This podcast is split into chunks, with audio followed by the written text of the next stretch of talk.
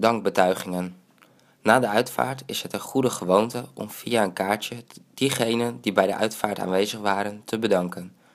De adressen hiervoor zijn verzameld in een condoleanceregister of op een aparte condoleancekaartjes. Bij Marie de Uitvaartverzorging heeft u namelijk de keuze tussen een condoleanceregister of persoonlijke condoleancekaartjes.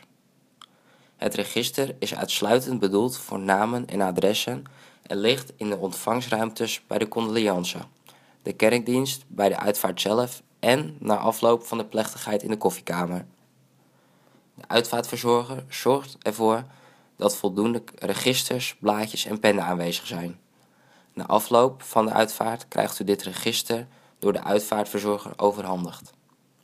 Kiest u voor condoleancekaartjes, dan heeft u de mogelijkheid om deze met de rouwkaart mee te sturen. De kaartjes zijn op licht, dun, glanzend papier gedrukt en bieden naast enkele regels voor het adres ook ruimte om een herinnering of een paar persoonlijke zinnen te schrijven. De genodigden kunnen thuis in alle rust hun woorden kiezen en opschrijven. Het kaartje wordt meegenomen naar de uitvaart en in de daarvoor bestemde verzamelbox gedaan.